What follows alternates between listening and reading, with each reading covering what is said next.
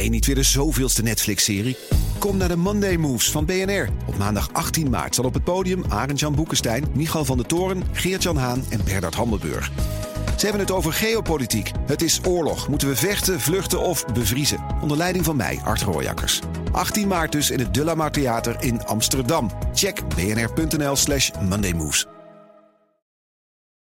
Werkverkenners wordt mede mogelijk gemaakt door NCOI, de opleider van Werken Nederland.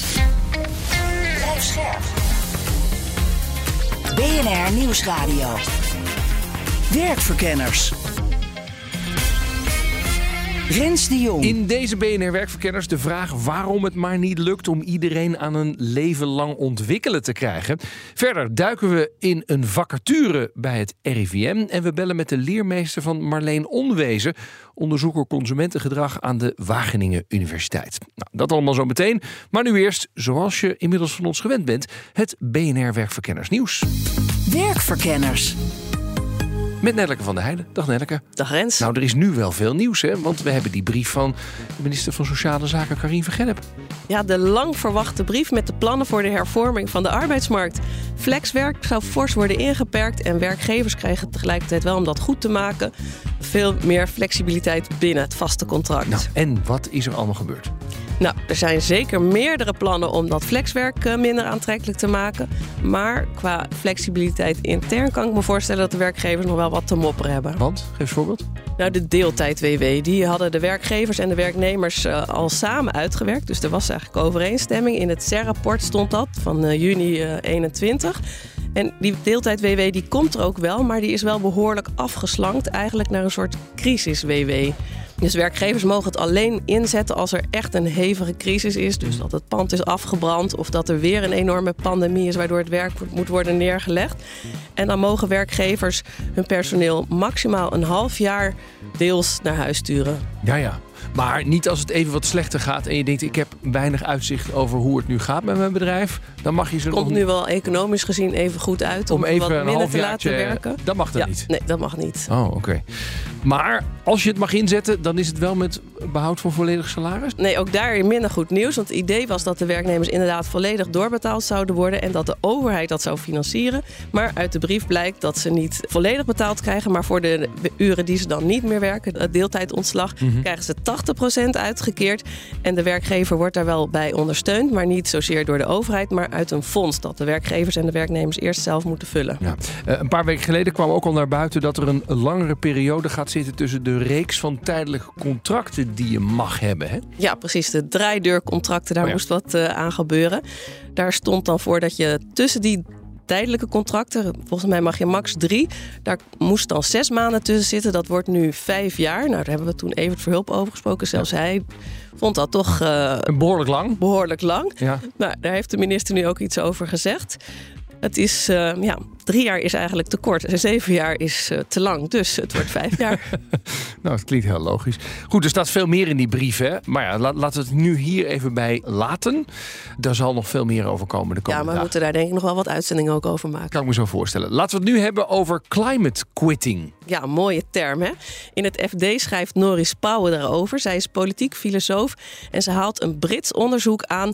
dat laat zien dat de generatie Z zich echt meer zorgen maakt... over hoe het nou met onze planeet verder gaat... dan over of ze hun rekeningen kunnen betalen. Mhm. Vier op de vijf geeft aan in dat onderzoek te willen werken voor een bedrijf... dat een positieve impact maakt. Ze vinden het belangrijker dat de baas het belangrijker vindt... dan de belangen van de aandeelhouders...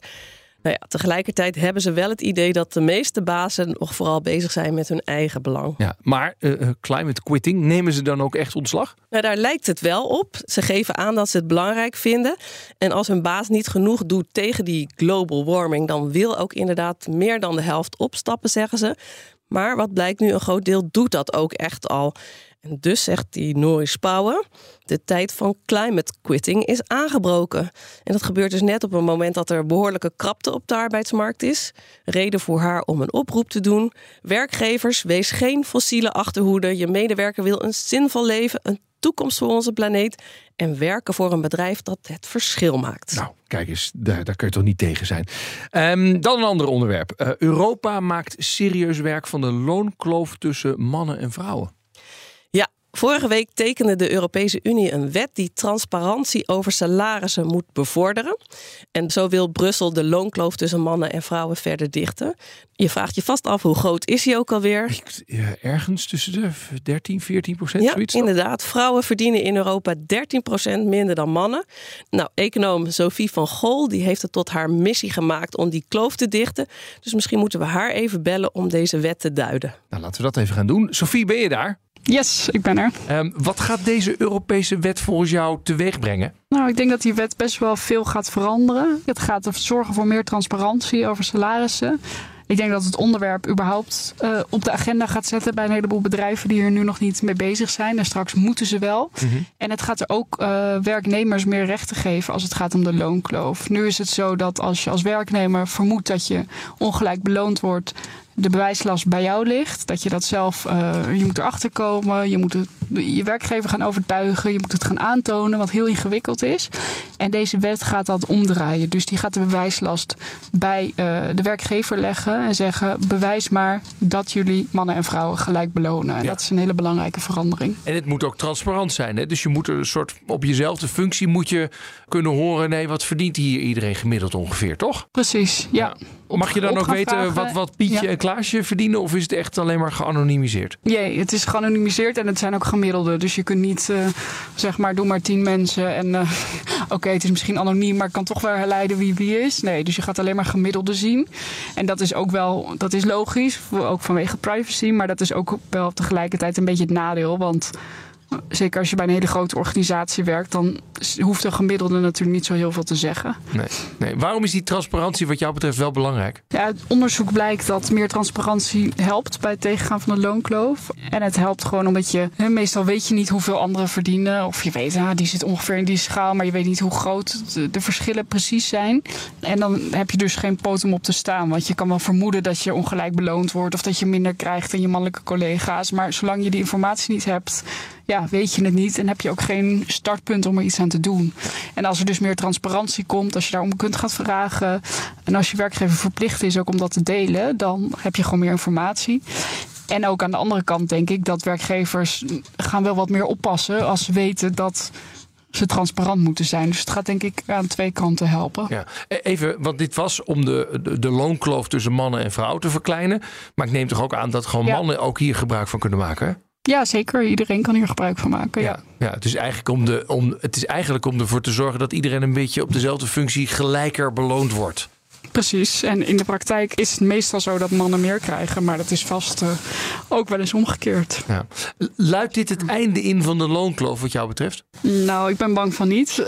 ik denk dat het een hele goede stap is, maar ja, die wet dekt natuurlijk niet alles af. Er blijft altijd ruimte voor onderhandeling, voor interpretatie van managers, wie, wie ze in welke schaal zetten, wie toch nog een extraatje krijgt. Secundaire voorwaarden wordt soms nog een beetje mee gerommeld. Dus ik denk dat je dat gaat houden, maar dat het wel echt wel gaat helpen. Ook om het onderwerp op de agenda te krijgen, om meer transparantie te krijgen, mensen ervan bewust te maken dat die verschillen er zijn. En dat ze er recht op hebben om daar iets aan te doen. Hopelijk luidt het wel het, het begin van het einde in. Dankjewel, Sophie. Dankjewel. Rens de Jong. Na al dat nieuws dan nu de themavraag van deze uitzending. En die draait deze keer om een leven lang ontwikkelen. Ja, dat vindt iedereen belangrijk en toch is er nog altijd geen goed antwoord op deze behoefte. Waarom eigenlijk niet en kunnen we in dit programma misschien wel een oplossing vinden? Want we zeggen allemaal dat het hard nodig is. Maar het is ook oprecht heel belangrijk. Als je gewoon kijkt alleen al naar de maatschappelijke uitdagingen die we hebben. En dus moeten we ons verder scholen. om bij te kunnen dragen aan die transities, om ook eh, nuttig werk te kunnen blijven doen, om zo ook aantrekkelijk te blijven voor werkgevers. Ja, net zoals bijvoorbeeld een auto moeten we ook onze kennis onderhouden. Een deel van de opgebouwde kennis die schrijf je af. En dat komt omdat je dingen vergeet. En dat komt ook doordat de wereld van vandaag anders is dan de wereld van toen je op school zat. En dus ook niet even één keer naar een cursus en klaar. Leven lang ontwikkelen betekent dat je dat nu doet, maar over vijf jaar, over tien jaar, over twintig jaar nog weer eens een keer. Via het stapbudget werden de vreemdste opleidingen gevolgd. Maar toch zijn mijn gasten niet voor al te veel sturing vanuit de overheid. De minister zegt: ik kan niet bepalen voor een individu wat nodig is om die persoon weer zichzelf te laten ontwikkelen en toegang tot de arbeidsmarkt te verschaffen. Het vraagt overigens wel om een stevige investering van de overheid, maar die betaalt zichzelf wel terug. Bovengemiddeld goed zelfs. Dat lijkt me wel. Ik ken weinig projecten waar de overheid 500 miljoen instopt en 600 miljoen uitkomt. Werkverkenners. Net als ik denk bijna iedereen, vinden ook mijn gasten dat het heel belangrijk is dat alle werkenden zich een leven lang blijven ontwikkelen. Ja, dan is de vraag, wat houdt ons eigenlijk nog tegen? Ik ben Peter Brouwer. Ik ben uh, programmamanager van het programma Inclusieve Arbeidsmarkt bij de Goldsmeding Foundation. En wat doen jullie dan precies? Ja, de Goldsmeding Foundation is een filantropisch fonds. En wij uh, zijn eigenlijk opgericht door Frits Goldsmeding om bij te dragen aan een betere wereld, vooral ook voor toekomstige generaties. Ja, en even, dat is de oprichter van Randstad, hè? Zeker, ja. ja dat klopt. En toekomstige generaties, dan hebben we het echt over uh, nou ja, de, de, de komende nou, tientallen tot misschien wel honderd jaar. En uh, alles wat wij doen heeft wel te maken met de domeinen mens, werk en economie. Iedereen lijkt doordrongen te zijn van het belang van een leven lang leren, maar niet iedereen vindt dat vanzelfsprekend. Wat hebben jullie te maken met een leven lang ontwikkelen? Nou ja, kijk, als wij houden ons bezig met alles wat met menswerk en economie te maken heeft. En uh, het gaat dus ook heel erg over het domein van werk en hoe mensen kunnen blijven werken in de economie. En nou ja, de economie staat niet stil. Hè. Er zijn allerlei veranderingen, allerlei transities die er, uh, nou ja, die er aankomen, die deels aan de gang zijn. Dus ook de mensen uh, moeten zich blijven ontwikkelen om op die arbeidsmarkt bij te kunnen dragen. -hmm. Dus ja, eigenlijk is ontwikkelen uh, enorm belangrijk. Ja. Wat zijn wat jou betreft de grote beren op de weg als het gaat om een hele maatschappij een leven lang zichzelf laten ontwikkelen? Ik denk dat, dat er een aantal dingen daar relevant zijn. Het begint bij dat, dat mensen zelf, individuen, uh, bewust moeten zijn van het, ja, het belang, nut en noodzaak voor vooral zichzelf, om zich ook te blijven ontwikkelen, om zo ook actief te kunnen blijven op de arbeidsmarkt. Dus die bewustwording is denk ik heel belangrijk. En als mensen eenmaal zichzelf willen ontwikkelen, dan is het natuurlijk ook belangrijk dat zij de mogelijkheid hebben om dat te doen. Mm -hmm. En dan, ja, zeg maar, de mogelijkheden om dat te doen, dan heb je het al heel vaak over tijd en geld dat beschikbaar moet zijn om ja, de ruimte te hebben om jezelf te ontwikkelen. En als je die twee punten pakt, hè, dus bewustwording en het kunnen doen. Ja. Over die bewustwording, waar zijn we ons voldoende bewust of niet? Ik denk het ten diepste eerlijk gezegd wel. Dat iedereen wel snapt dat je. Ja, de, de wereld staat niet stil, dus ik, ik moet mezelf ook blijven ontwikkelen. Ja. Maar wat je wel ziet, is dat in zekere zin hoe kwetsbaarder de positie van mensen op de arbeidsmarkt is, hoe minder mensen eigenlijk ook bezig zijn met ontwikkelen. Hoe minder mensen vooruitkijken. En waarom is dat dan? Want wat je zou zeggen, ja, je bent zo kwetsbaar, je moet er juist mee bezig zijn. Ja, dat, dat zou je inderdaad zeggen. Nou ja, een, een van de onderzoeksprojecten die wij ook ondersteunen gaat over proactief loopbaangedrag. En daar zie je eigenlijk precies dit effect: dat hoe onzekerder mensen zijn over hun positie op de arbeidsmarkt, hoe minder zij juist dat proactieve gedrag ja. vertonen. Dat is een beetje contra-intuïtief. Maar weten jullie ook waarom dan? Nou, dat heeft er eigenlijk vooral mee te maken dat mensen heel erg bezig zijn met de korte termijn. Hmm. Mm. Uh, om nou, überhaupt het einde van de maand te halen. Kom ik rond? Uh, kan ik nog, heb ik nog voldoende geld in mijn portemonnee om boodschappen te doen? En dan ben je dus veel minder bezig met nou, wat, wat wordt mijn volgende loopbaanstap misschien over één of twee jaar. Als je kijkt naar kunnen, dus de mogelijkheden, waar zijn daar dan de beren op de weg? Ik denk dat, dat het uiteindelijk heel plat ook neerkomt op geld. Kijk, opleiden, dat, dat kost geld. Als jij een opleiding uh, wil volgen, en zeker een, een, opleiding die echt serieus bijdraagt aan nou ja, nieuwe kansen op de arbeidsmarkt, echt omscholen. En juist ook weer mensen met een wat meer kwetsbare positie op de arbeidsmarkt hebben minder uh, mogelijkheid om dat te doen. Ze hebben zelf dat geld niet. Werkgevers zijn ook minder snel bereid om nou, bijvoorbeeld mensen in, in tijdelijke contracten om daar te investeren in de opleidingen.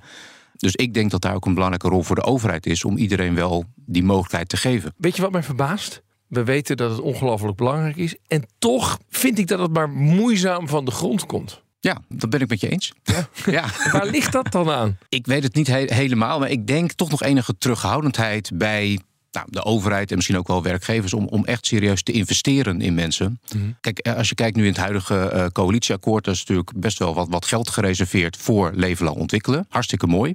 Uh, het stapbudget is er, uh, dat werkt ook goed in principe, maar het is niet voldoende. En ik denk dat het ermee te maken heeft dat we, dus overheid en werkgevers, het vooral zien als kosten in plaats van als investeren. Ja. Wat dus betekent dat die kosten die je maakt ook weer baten opleveren. Ja.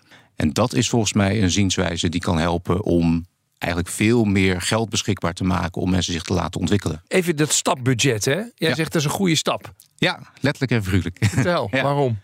Nou ja, ik moet eerlijk zeggen dat, dat ik aanvankelijk wel een beetje sceptisch tegenaan keek. Van nou ja, weer een regeling en gaat dat werken? En gaat het niet weer vooral terechtkomen bij de mensen die toch al een goede positie hebben? Maar ik kijk er met, met een redelijk eh, positieve blik naar, moet ik zeggen. Je ziet dat er heel veel belangstelling voor is. Laatst was er ook weer op tv dat je zag dat eh, mensen wel twee of drie computers open hadden staan om maar eh, aan bod te komen. Alsof ze kaartjes voor de Rolling Stones aan het kopen waren. Nou, dan denk ik, oké, dus mensen willen zich ontwikkelen. Hoera. Dat is heel mooi. Wat je ook ziet bij de eerste paar tranches, het UWV heeft er ook onderzoek naar gedaan. En welke mensen maken nu gebruik van dat stapbudget?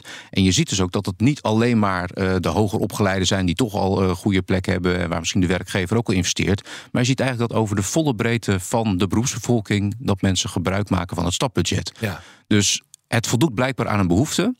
Het laat zien dat mensen ook zelf eh, willen ontwikkelen. Dus, dus dan denk ik, oké, er is dus enorme behoefte. Ja. Alleen wat je ook ziet is dat de vraag nu eh, ja, het beschikbare budget eh, veruit overtreft. En waar ligt het dan aan volgens de opleiders? Mijn naam is Siel Stevens. Ik ben directeur van de NRTO. En de NRTO is de brancheorganisatie van private opleiders. Ja, en wa- wat voor bedrijven zitten daarin? Nou, we hebben zo'n 950 leden en dat is een hele diverse achterban. Dus het is zowel zijn het private aanbieders van het voortgezet onderwijs, maar ook het MBO en ook het hoger onderwijs. Ook trainingsbureaus voor vaardigheidstrainingen, leiderschapstrainingen, et cetera. Maar allemaal dus het niet bekostigd onderwijs. Wat is jouw meest recente opleiding? Aha, mijn re- meest recente opleiding, dat is een VCA vol training. Wat is ja, dat precies? Ja, dat is een, eh, die had ik nodig bij mijn vorige werkgever. Eh, dat is een veiligheidstraining voor leidinggevenden op de bouwplaats. Oh, wauw. Ja. En, maar heb- daar heb je nu niks meer aan, toch of wel? Nou, hij is gelukkig tien jaar geldig, dus wie weet. Maar nee hoor, maar het, het geeft maar aan, ook voor mij, dat was ver uit mijn comfortzone, kan ik je vertellen. Maar eh, ik heb het met ongelooflijk veel plezier gedaan. Ik was namelijk strategisch omgevingsmanager bij een heel groot bouwproject. En waanzinnig. Ik mocht natuurlijk niet de bouwplaats op als ik niet al die veiligheidsvoorschriften kende. Ja. Een leven lang ontwikkelen. Volgens mij zijn er geen mensen te vinden in Nederland die dat niet belangrijk vinden, toch? Jij vindt het ook heel belangrijk. Ik vind het verschrikkelijk belangrijk. En dat is natuurlijk ook de kernactiviteit eh, van de leden die wij hebben. We hebben een enorme krapte op de arbeidsmarkt. Nou, daar heb je gewoon echt mensen voor nodig. Er zullen mensen zich om en bij moeten scholen. We weten ook dat naast de krapte hebben we allerlei transities eh, die aanstaande zijn. We hebben heel veel mensen in de energie eh, nodig, duurzame energie, in de bouw, in de IT, techniek. Dus kortom, we zullen onszelf moeten ontwikkelen. Waarom lukt er dan zo weinig? Ik denk niet dat er zo weinig lukt. Nee, want de O&O-fondsen zitten nog steeds vol.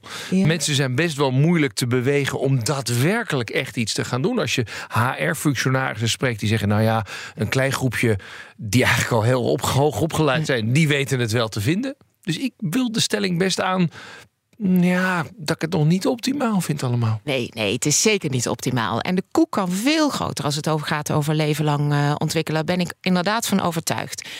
Maar als je kijkt naar de private opleiders in Nederland, jaarlijks leiden wij 1,4 miljoen volwassenen toch al op. Nou, dat kan nog veel meer. Het kabinet heeft nog vele grotere ambities.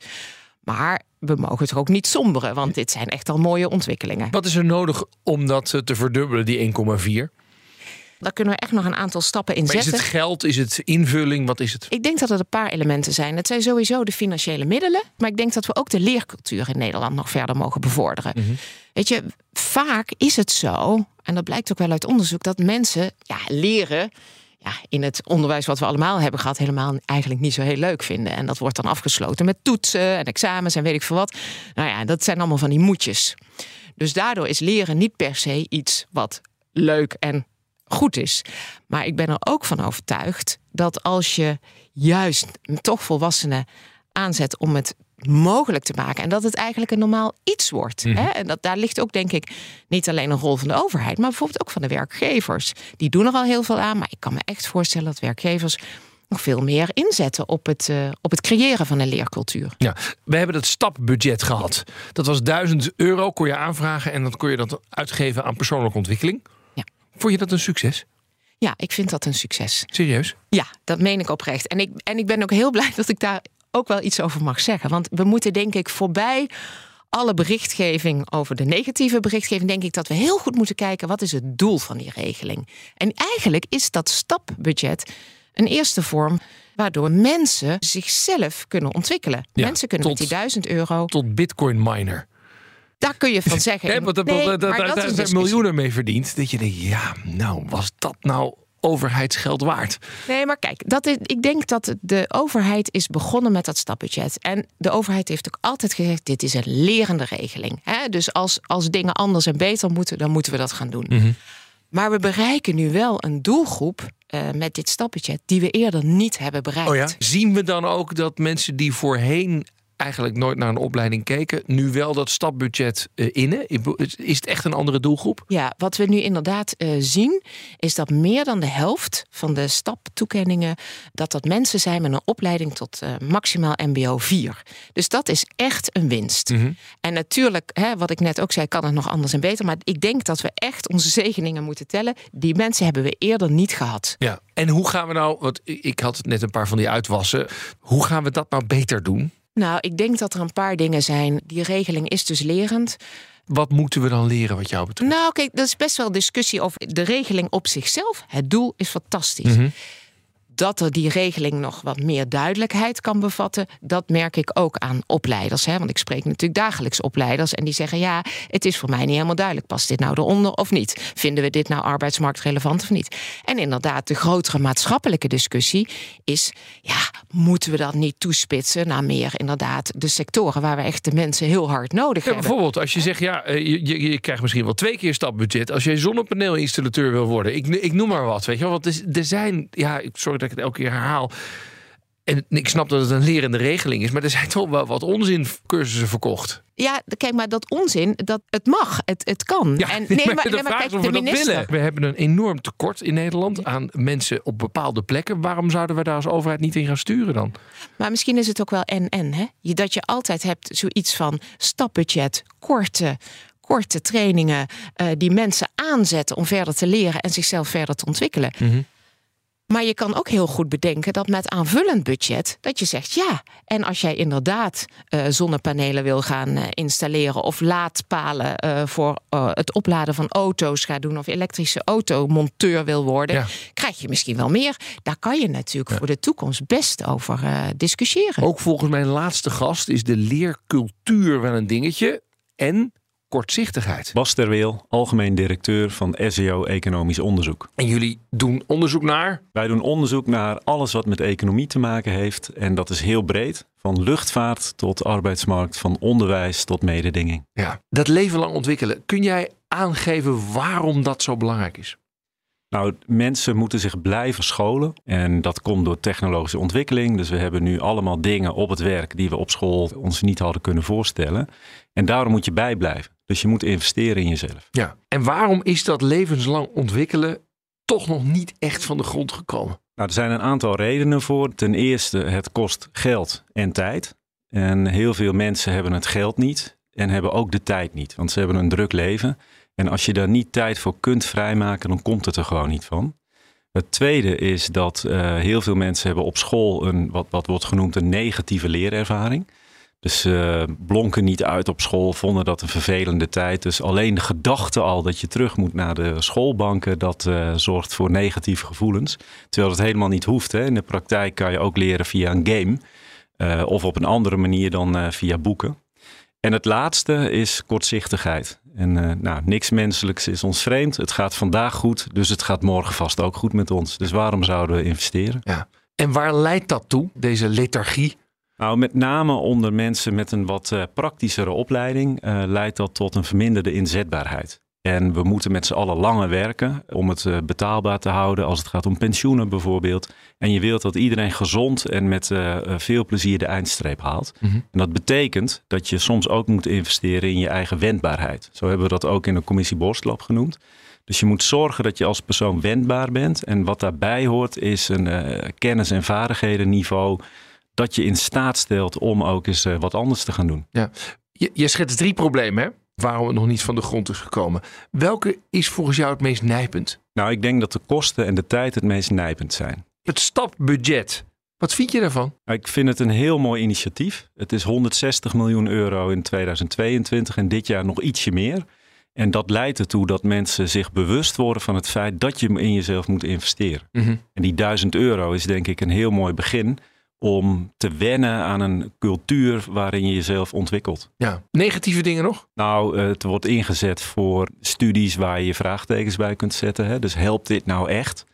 En wat je ziet is dat het gebruik eh, vooral is van mensen die zich toch wel scholen. Ja, want ik eh, hoorde een aantal andere mensen die zeiden... nou, het valt op dat normaal gesproken inderdaad gaat het scholingsbudget altijd op aan mensen die er al heel goed in zijn en het weten te vinden. Dit stapbudget is eigenlijk best wel breed ingezet. Dus ook mensen die er eigenlijk niet zo heel vaak mee bezig zijn, het toch wel een beetje doen. Maar ik hoor jou een beetje twijfelen. Nou ja, het is mooi meegenomen als dat zo is. Maar wat ik om me heen zie is toch vooral mensen die eh, goed de weg weten te vinden naar de loketten die er eh, gebruik van maken. Mhm. En dan ook soms gebruik maken op een manier dat ik denk, ja, dat is niet helemaal de bedoeling. Wat Dus geef je een- voorbeeld? Nou, een nieuwe laptop die wordt aangeschaft met een training van een week hoe je om moet gaan met Windows.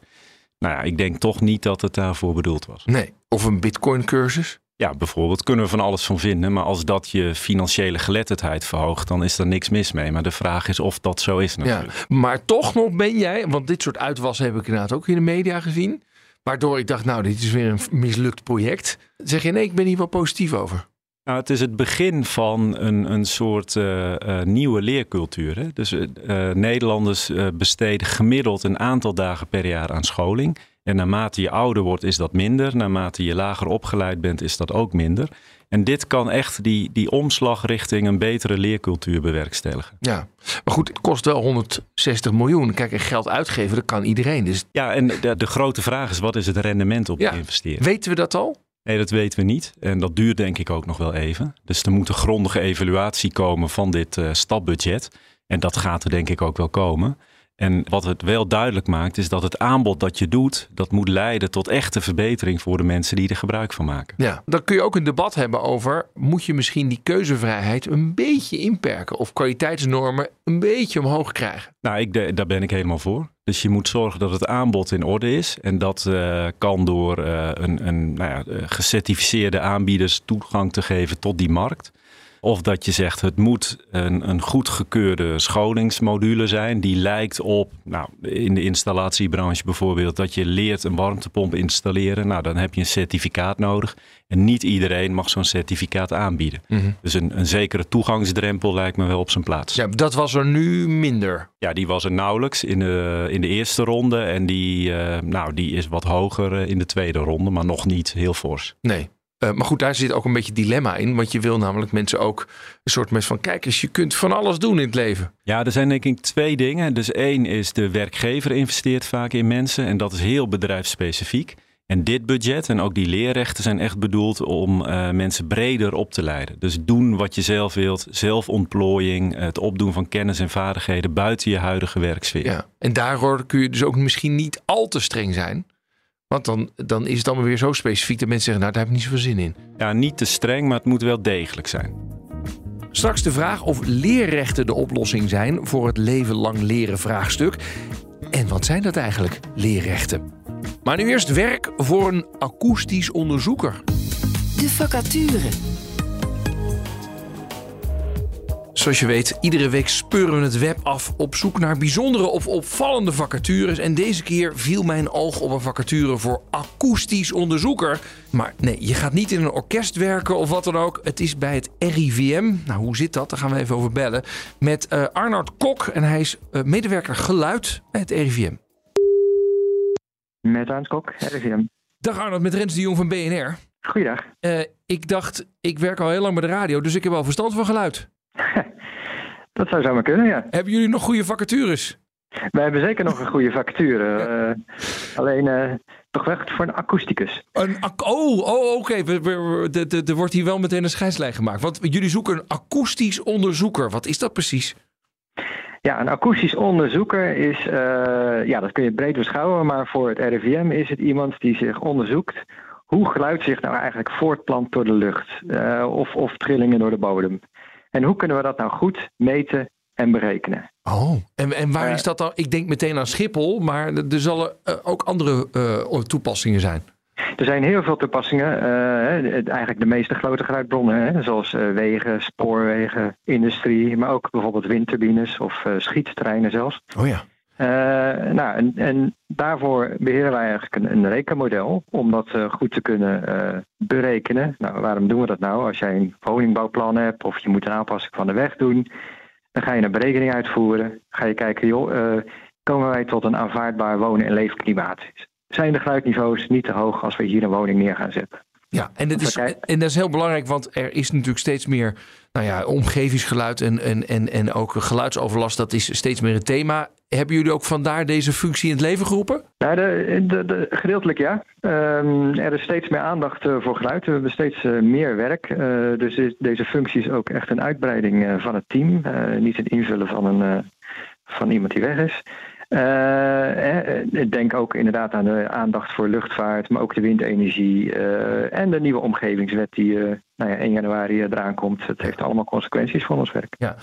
Um, kun je dit studeren? Ja en nee. We hebben geen uh, speciale studie akoestiek. Maar binnen een aantal uh, studies kun je wel specialiseren in uh, of afstuderen op geluidsakoestiek. Denk aan studies als natuurkunde, bouwkunde, maar ook lucht- en ruimtevaarttechniek. Is het een beetje, ik vraag me wel af, als je op de afdeling geluid werkt bij het RIVM, is het daar dan heel stil met collega's of is het juist heel lawaaiig met collega's? Nou, we hebben een heel fijn team, dus het is soms misschien wat lawaaiig. Oké, okay, goed. goed. Dankjewel en de succes met het zoeken. Dank je. Rens de Jong. Oké, nou het kan dus wel eens wat lawaaiig zijn daar bij het RIVM. Terug naar de themavraag. Want we moeten ons een leven lang blijven ontwikkelen om soepel en gelukkig het pensioen te kunnen halen. Maar hoe gaan we dat dan aanpakken? In Trouw opperden twee van mijn gasten om dat te doen met leerrechten. Peter Brouwer is van de Goldschmeding Foundation en hij legt uit wat dat precies is. Leerrechten betekent eigenlijk dat iedereen min of meer bij geboorte een, eenzelfde potje geld krijgt om, uh, om zichzelf te ontwikkelen, om zichzelf op te leiden. Nou, mensen die een opleiding uh, aan een hogeschool of een universiteit hebben gedaan, die hebben dat potje dan ongeveer gebruikt als ze zo midden twintig zijn. Maar mensen die misschien een wat kortere opleiding op MBO-niveau hebben gedaan, die hebben nog een deel van dat potje over. Mm -hmm. En die kunnen dat potje, wat dus persoonlijk is, uh, kunnen ze later in hun loopbaan dan nog uh, inzetten om zich verder te ontwikkelen. En waarom is dat een goed idee? Ik denk dat het in ieder geval een heel eerlijk idee is, omdat juist de mensen die al veel overheidsgeld gebruikt hebben bij hun initiële opleiding, bedoel, die hebben een sterke positie op de arbeidsmarkt, daar wordt vaak ook nog veel in geïnvesteerd. En juist de mensen die aan het begin van hun uh, carrière nog niet zo heel veel opleiding hebben genoten, die hebben dan eigenlijk dus gewoon nog recht op hetzelfde stukje budget, mm -hmm. wat, wat anderen ook al hebben gebruikt. Ja, ja. Het, het is gewoon, je zegt het is eerlijker. En op een of andere manier, sommige mensen hebben dus niet al het geld al opgemaakt. Waarom zouden ze het niet mogen opmaken later in hun carrière? Want zij zijn ja. ook degene die het misschien het hardste nodig hebben. En ik, ik denk, ja, kijk, het is natuurlijk uiteindelijk is dat ook een politieke beslissing. Wat, wat is eerlijk? Maar ik moet, ik moet zeggen, ik heb eigenlijk nog niemand gehoord die dit geen eerlijk systeem vindt. Nee, ik denk wel dat het eerlijk is. Ik denk wel dat het ongelooflijk veel geld gaat kosten. Ja, het gaat om, om substantieel geld. Ja, uh, en dan moet je dus ook wel even nadenken. Ja, maar gaat dat ook daadwerkelijk return in investment opleveren? Ja, nee, in het kader van het Platform Toekomst van de Arbeid heeft, heeft SEO Economisch Onderzoek daar onderzoek naar gedaan. Hè. Die hebben een, een kostenbatenanalyse gemaakt. Is met verschillende scenario's gerekend. Gemiddeld komt dat op een, op een positief saldo uit. Dus de baten zijn hoger dan de kosten. Mm -hmm. Dus het is, het is positief. Het, het, het verdient zich terug. Ja. Maar omdat het om substantieel geld gaat en het gaat natuurlijk om scenario's, dit is natuurlijk een ex-ante evaluatie, zou ik er wel erg voor pleiten om wat kleinschaliger te beginnen. Bijvoorbeeld in, in het verlengde van het stapbudget, misschien komen er nog nieuwe regelingen, om daar ook heel zorgvuldig die kostenbaatanalyse ook op toe te passen, hoe dat dan in de praktijk feitelijk uitwerkt. Ja. De keerzijde is wel, als je het niet doet, Um, ja, dan ontwikkelen mensen zich dus niet. Mm -hmm. En dat betekent, nou, dat betekent voor mensen misschien dat ze op een gegeven moment niet meer mee kunnen doen op de arbeidsmarkt. En mogelijk gebruik moeten maken van een uitkering. Maar op macro-economisch niveau is het denk ik nog veel belangrijker dat we daarmee ook de, de noodzakelijke ontwikkelingen en transities in de economie niet goed gestalte kunnen geven. En ik denk dat dat in potentie, en ik geloof niet dat dat zo expliciet in die berekeningen in de tijd is meegenomen, maar dat betekent natuurlijk ook heel veel voor ja, uiteindelijk ook de, de concurrentiepositie van Nederland. Stel je voor, je hebt zo'n leerrechtensysteem. Hè? Mm -hmm. Hoe bereik je dan de mensen die normaal gesproken inderdaad daar niet, niet voldoende gebruik van hebben gemaakt? Nou ja, ik denk inderdaad dat, dat, dat, dat je daar wel ook um, bewustwordingscampagne, of hoe je, het wil, hoe het wil noemen. Maar je moet inderdaad zorgen dat, dat mensen ervan bewust zijn dat dat budget er is. En een heel belangrijk element eraan is, is dat het een persoonlijk budget is. Ja, dus maar, het is Want het punt is namelijk, jij zei al eerder, mensen juist die wat praktischer geschoold zijn en soms misschien wel de eentjes aan elkaar moeten knopen, die zijn helemaal niet met dat leren bezig. Ja, dan kunnen een, kunnen een soort virtuele rekening hebben, maar ja, als, die, als je er niet mee bezig bent, ben je er niet mee bezig. Nee, toch? dus het, het, gaat, het gaat zeker niet vanzelf. Ook niet als er inderdaad een potje geld is. Dat is meer de mogelijkheid. Maar ik denk die, aan die bewustwording. En ja, ik, ik pleit er eigenlijk altijd voor dat, dat iedereen eh, die tot de beroepsbevolking of, of potentiële beroepsbevolking hoort, tenminste één keer per jaar een gesprek heeft. En dat kan met je werkgever zijn, met de uitkerende instantie. Er is ook wel eens gesproken over meer algemene werkhubs of eh, Ja, APK voor je, voor je een loopbaan APK, Ja, hoe je het wil noemen, de, de ideeën, kijk Ja, hoe je het precies noemt. zat? Ja. maar, waar, maar het principe waar het mij om gaat is dat iedereen nou, periodiek, en dan zeg ik altijd maar tenminste één keer per jaar, met iemand een gesprek heeft over waar sta je, ben je daar nog tevreden mee, wat zou je kunnen doen, wat zou je willen doen. Ja. En op het moment dat daar dus ook eh, dat individuele eh, leerbudget voor beschikbaar is, dan is dat niet alleen maar een gesprekje, goh, wat zou je willen doen? Maar ja, die mogelijkheid is er niet, maar wat zou je willen doen? En hoe kan je dan dus ook jouw eigen leerbudget daarvoor inzetten? Siel Stevens van de NRTO is erg enthousiast over dat idee van die leerrechten. Omdat je dan dus echt die mensen in staat stelt om zichzelf verder te ontwikkelen. Mhm. En op basis dus weer wederom van die eigen regie van mensen. Het kan natuurlijk heel goed zijn dat jij denkt, ja, ik wil aanvullend me verder ontwikkelen. Want ik werk nu al jaren in de horeca, maar ik wil dolgraag naar de zorg. Ja. Hè? Nou, hoe mooi zou dat zijn? Want daar hebben we heel veel handen tekort.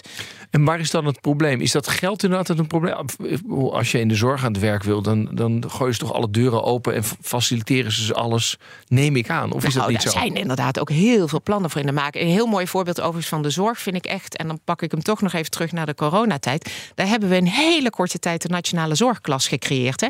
Daar heeft, hebben werkgevers, de overheid, maar ook de opleiders handen ineengeslagen om mensen die echt actief wilden zijn in die zorg, die we toen heel hard nodig hadden, in hele korte, intensieve cursussen op te leiden. En daar kregen ze dan ook een MBO-certificaat voor. Dus ja, ja dat Ja, soort zaken. zijn Maar daar was geld niet het probleem met elkaar, toch? Nee, daar was geld er niet het probleem. Maar waarom pleit je dan wel voor een leerrechten? Wat goed zou zijn, is dat mensen dus het recht hebben op zich blijven ontwikkelen. En dat kan je op die manier doen. En eh, de Goldsmeding Foundation heeft inderdaad gepleit van je zou het zo kunnen doen dat als jij op MBO-niveau je opleiding, je initiële opleiding, je reguliere opleiding hebt gedaan, dan is die goedkoper geweest dan een wetenschappelijke opleiding. Ja. Dus dan zou dat potje van die mensen nog groter kunnen zijn, van die beroepsbevolking, om zich verder eh, door te ontwikkelen. Ja, dat, dat is toch een prachtig middel om dat leven lang ontwikkelen echt vorm te geven. Ja. En feitelijk, ik zou bijna willen zeggen, dat stap, of het is eigenlijk zo, het stapbudget, dat kan nog beter, maar het is feitelijk alle leerrecht wat we nu in Nederland hebben gecreëerd. Omdat je, omdat je inderdaad Ja. gewoon eigenlijk Ja. gewoon geld krijgt. Ja, Ja, ja. ja. En eh, dan, maar dan blijft dus ook de vraag van hoe sturend ben je daarin als overheid? In waar je het aan uit mag geven. Nou ja, dat is natuurlijk de discussie tussen eigen regie van mensen Ja. en eh, wat is nodig voor het maatschappelijke eh, Ja. belang. Hè? Want dat hebben we natuurlijk ook nog steeds. Nee, want we hebben het natuurlijk wel over een enorme kostenverzwaring. Als wij iedereen eigenlijk feitelijk gaan zeggen... er is geld voor iedereen voor een universitaire opleiding. Ja, wat is het? 10% van de Nederlandse bevolking heeft een universitaire opleiding. Misschien al ietsje meer, maar het zal, het zal niet boven de 20 uitkomen. En nu gaan we het eigenlijk tegen 80% zeggen... je mag hetzelfde geld gaan uitgeven. Nou, dan wil ik wel een beetje return on investment zien. Ja, maar daar zijn hele slimme mensen bij eh, SEO. Die hebben daaraan gerekend. En die hebben gezegd van, nou, je kunt daar een investering eh, als overheid in doen van eh 900 miljoen. En wat uiteindelijk blijkt, is dat dat dus gewoon ook echt oplevert voor de BV Nederland. Ja. Dus je krijgt een hogere arbeidsproductiviteit. Uiteindelijk de belastingbetaler betaalt dus minder eh, als je het op deze manier eh, inregelt op de lange termijn. Welke taak zie jij dan voor private opleiders? Ja, de taak die ze nu ook al doen. Hè. Wij, ik bedoel, laat ik het zo zeggen, private opleiders zijn van het leven lang ontwikkelen. Daar moeten we in doorgaan. En dat is ook het mooie van, eh, van de achterban, wat ik zie. Als ik, eh, ik ga natuurlijk heel veel kijken, ook wat, eh, wat ze allemaal voor onderwijs aanbieden. Zij spelen ook daadwerkelijk in op de maatschappelijke behoeften die er, die er zijn met techniekopleiding. Korte, intensieve trajecten die mensen weer verder brengen. Hm. En wa- wat is dan je rol ten opzichte van de, de werkende zelf, de overheid en de werkgevers? Denk dat wij heel erg moeten samenwerken. Juist elkaar moeten vinden. Kijken wat nodig is. Kijken ook wat nodig is op regionaal niveau, op landelijk niveau. En eh, dat doen we ook. We werken overigens ook heel veel samen met eh, werkgevers. Nou blijft wel het volgende probleem. Met leerrechten en potjes en stappen, et cetera. Geld, we got that covered als we het geregeld krijgen. Maar de leercultuur hebben we nog niet aangepakt. En heel veel mensen hebben bij het woord leren... zo, daar heb ik even geen zin in. Ik ben al lang blij dat ik van die school af ben. Dat is ook zo. Maar tegelijkertijd zie ik toch 1,4 miljoen volwassenen... die dat dus heel goed eh, kunnen en willen. Hè? En misschien is dat ook nog wel een punt. De stapregeling creëert dus nu ook dat mensen hele kortdurende opleidingen doen. Dus dat helpt ook in het stimuleren van die leercultuur. Dat je zegt, nou, het is eigenlijk helemaal niet zo erg als Ja, ik ja, vroeger het is een dacht. soort, een soort ervaring is het. Ja. En je denkt, oh, eigenlijk best Ja. wel leuk om te doen. Ja. ja. En zo moeten we dat stapje voor stapje, denk ik, echt wel weer verder brengen. Bas Terweel van SEO Economisch Onderzoek heeft de bedragen die bij de plannen horen in kaart gebracht. De overheid investeert gemiddeld in iemand met een academische opleiding ongeveer 130.000 euro over de hele carrière. En voor iemand met een MBO 2 opleiding een ton. Hè, dit zijn afgeronde bedragen. En stel nou dat je die MBO 2er, die 30.000 euro verschil tussen die 130 en die 100.000 geeft in de vorm van leerrecht. En zegt van jij hebt eh, onderwijs genoten voor een ton. Er staat nog 30.000 op je rekening. En daarvan kan je modules kopen gedurende het leven. Het werkzame leven. En dat is het aanbod dat wij doen. En die modules die moeten voldoen aan bepaalde kwaliteitseisen. En daarmee verhoog je je eigen inzetbaarheid. Mhm. Dus dat is het aanbod. En eh, dat laat je langzaam oplopen. En iemand met een WO-opleiding, daarvan zeg je, nou weet je, je scholt je op dit moment al. Jij hebt die leerrechten niet nodig. Of je krijgt nog een paar duizend euro. Hè? Maar dat, dat maakt het verschil niet. En die 30.000 euro geeft mensen de vrijheid en de optie om in zichzelf te investeren. Dus dan heb je het budget al. En dan hopen we dat de werkgever ook wat tijd geeft. Hè, Iemand met budget is aantrekkelijk, dus die geeft je wat tijd om in zichzelf te investeren, zodat die inzetbaarheid ook toeneemt. Ja. En, die academicus, zijn of haar kennis verwatert niet, begrijp ik. Ja, ook. Maar, die, krijgen geen geld meer. Nou, die mensen die scholen zich nu al. Hè? Die hebben het geld al opgemaakt. En die, ehm, die scholen zich nu al bij. En daar zit het probleem niet. Het probleem is dat, dat mensen met een wat praktischere opleiding... die hebben toch moeite om die eindstreep van 67... of misschien wordt het wel 70 jaar, om die te halen. En dat ook met een beetje plezier te doen. Ja. En als je nog praktischer geschoold bent dan de MBO 2, is er dan nog meer geld beschikbaar? Ja, we gaan ervan uit dat mensen wel een stadkwalificatie halen. Mhm. En op het moment dat ze dat niet halen, hebben we een ander probleem. Dus je wilt eigenlijk dat het onderwijs er zorg eh, voor draagt dat iedereen een stadkwalificatie haalt en, en daarmee de arbeidsmarkt opkomt. Ja. En dan beginnen die leerrechten te lopen. Ja. Wat gaat dit kosten, Bas? Het hangt er even van af wat we ervan verwachten. Maar als we ervan uitgaan dat eh, door die leerrechten de inspanning verdubbelt. Dus je hebt nu een MBO 2er scholt zich twee dagen per jaar. Nou, stel dat wordt vier. En dat doet hij zijn leven lang. Dan zijn de jaarlijkse kosten 500 miljoen euro. En de opbrengsten die daar tegenover staan zijn ruim 600 miljoen euro. Oké. En die opbrengsten die zijn er doordat mensen minder vaak een beroep doen op sociale voorzieningen. Ze zijn beter inzetbaar, dus minder vaak werkloos. Ze zijn gezonder, daardoor een lage ziekteverzuim.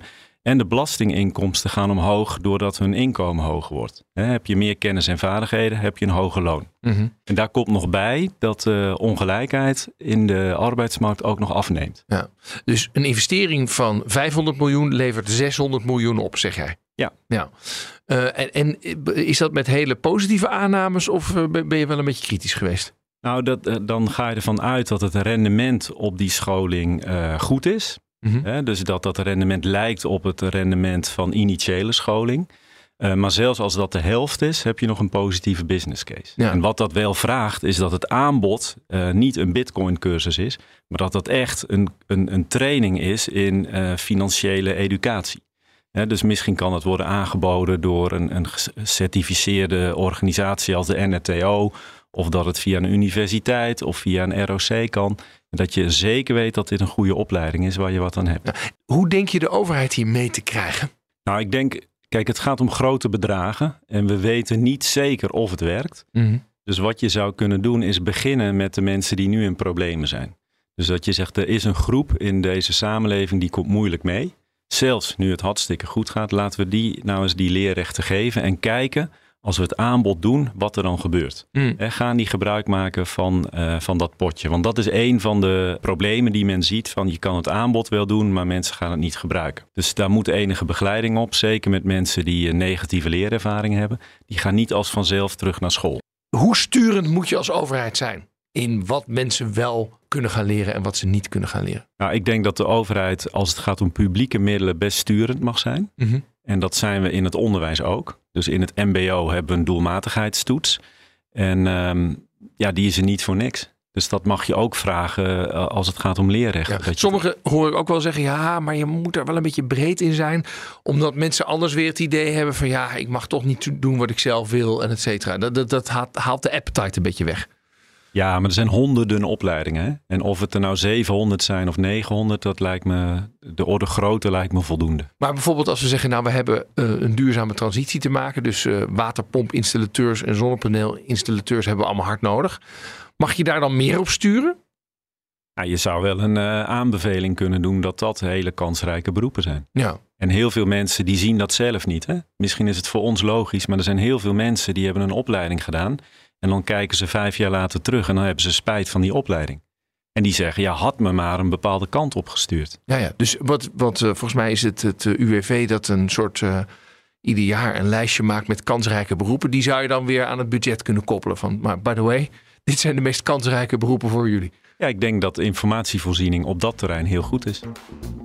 Nou, conclusie. Hoe gaan we nou eindelijk aan de slag met dat leven lang leren? Leerrechten lijken daar een eerlijke manier voor. Iedereen krijgt bij geboorte gewoon een eigen leerbudget toegekend. En het eerlijke is dat iedereen evenveel krijgt. Dat zorgt ook voor autonomie. Je hebt zelfzeggenschap over waar je het geld allemaal aan uitgeeft. Het kost de overheid alleen wel bakken met geld. Maar als de scenario's die SCO Economisch Onderzoek heeft doorgerekend uitkomen, dan verdient diezelfde overheid dat wel weer terug. Mensen doen dan immers minder een beroep op uitkeringen, krijgen meer loon, waardoor ze ook meer belasting kunnen betalen, zijn gezonder, verzuimen minder en hebben meer te besteden. De leermeester. Laatste onderdeel van deze uitzending, de leermeester. Wie zorgde bij jou voor een kantelpunt in je carrière? Wie maakte dat je een andere afslag koos? Of hielp je een stap te zetten die je anders niet durfde te zetten? Deze week bellen we met de leermeester van Marleen Onwezen, onderzoeker consumentengedrag aan de Wageningen Universiteit. Dag Marleen, Hallo. wie is jouw leermeester? Ja, deze leuke vraag werd mij gesteld en ik moest meteen aan G denken. G is eh, G Bakkes, mijn oude groepshoofd. En, en waarom? In, in, in een paar zinnen, waar, waarom is hij jouw leermeester? Nou, ik vond eh, toen ik begon met mijn carrière externe contacten echt heel spannend. En G heeft mij daar echt bij geholpen om in te zien dat het gewoon heel erg leuk kan zijn. En dat je het niet altijd te serieus moet nemen. En zeker spannende momenten bijvoorbeeld veel meer als een, ja, als een spel kan zien, als een schaakspel, waarna je gewoon een biertje kan gaan drinken. Ah ja, oké. Nou, la- laten we G eens even bellen. Met G. Bakkers. Dag meneer Bakkers met eh, Rens de Jong van BNR Nieuwsradio. Dag Rens, hallo. Hallo, ik, ik bel u voor de rubriek de leermeester. Want u bent aangewezen als iemands leermeester. Dan ben ik wel heel benieuwd. Dan ben ik echt heel benieuwd. Ja, dat, dat, dat horen wij vaker zeg maar, van deze rubriek. Eh, nou Marleen, maak jezelf maar even bekend. Hoi G, Marleen hier. Marleen Onwezen. Hallo Marleen. Lang Hoi. geleden. De- ja, is, is het lang geleden of niet? Hoeveel, hoe lang geleden is het? Tien jaar. Al een jaar acht, negen, ja, zoiets. Ja, Oh ja, toen ben je gepromoveerd, eh, Ja. denk ik. Ja, ja. Ja, ja want, want even meneer Bakkers, hoe kennen jullie elkaar? Wij eh, werkten vroeger samen op het eh, Landbouw-Economisch Instituut. En Marleen is daar eh, na haar afstuderen in Tilburg eh, bij ons komen werken. Ik denk in 2009 of in 2010. Ja.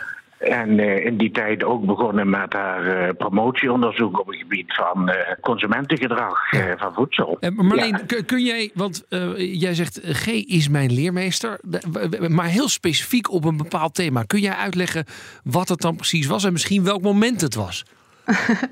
Ja, G, eh, ik wilde je heel graag bedanken. ehm, omdat jij mij hebt geleerd om in te zien dat het werken met externen juist heel erg leuk kan zijn. Ik kan me nog heel goed herinneren dat we in een auto na een begeleidingscommissie, die ik dus heel spannend vond, tot in de puntjes voorbereid, uh, alle details doorgenomen en heel zenuwachtig. En jij opereerde daar zo heel ontspannen en dat ging allemaal zo heel soepel bij jou. En op de terugweg heb ik jou echt honderd uitgevraagd nou ja, hoe je dat nou doet en hoe je daar zo van kon genieten. En nou, je hebt me echt geleerd om, om daar eigenlijk niet te serieus in te stappen. En het veel meer als een, ja, als een soort schaakspel te zien waar je van kan genieten. En uh, nou, dat heb ik echt uh, nou ja, de hele rest van mijn carrière wel meegenomen. Kijk eens, meneer Bakkers, herkent u dit uh, voorval van in die auto nog of niet? Deze niet, maar ik kan me wel voorstellen, want Marleen is heel conscientieus. Dus uh, die voorbereiding, uh, dat klopt. En ik denk inderdaad dat in mijn manier van werken, dat je zeker, uh, zekere ondervangenheid hebt. En ja, dat is wel voor een stukje is dat schaken. Ja, ja, je moet wel bewust zijn bij wat je doet. Maar je moet daar ook open in zijn. Hè? Dus het is uh, wel schaken, maar wel met open vizier. Want anders, dan, uh, ja, anders bouw je ook geen vertrouwen op. Hey, en Marleen, en hoe vaak denk je terug aan de lessen die G jou geleerd heeft? Poeh. Of hoe vaak gebruik je het? Ja, nou, dus ik, ik merk dat ik uh, uh, juist nu veel meer de externe contacten opzoek en ook veel meer mijzelf daarin durf te zijn. En als ik nu thuis kom en ik denk, oh, ik heb er eigenlijk juist heel erg van genoten, dan denk ik dus echt wel terug aan, ja, aan deze wijze les. Ja. En je hoort het ook meteen hoe G erover praat. Dit zijn wel de gesprekken die ik me dus herinner. Ja, wat leuk. Meneer Bakkers, wat vindt u ervan dat u als leermeester bent aangewezen? Nou, ik vind het heel leuk. Uh, en ook sowieso omdat het Marleen is. Want ik weet nog precies, uh, toen Marleen voor het eerst uh, bij mij op gesprek kwam, dat weet ik nog precies. En ik weet nog toen ze begon met promoveren. En ik zie op LinkedIn dat Marleen echt begonnen is om uh, zich te presenteren aan de buitenwereld. Dat doet ze heel actief. Daar heeft ze echt een heel duidelijke strategie in.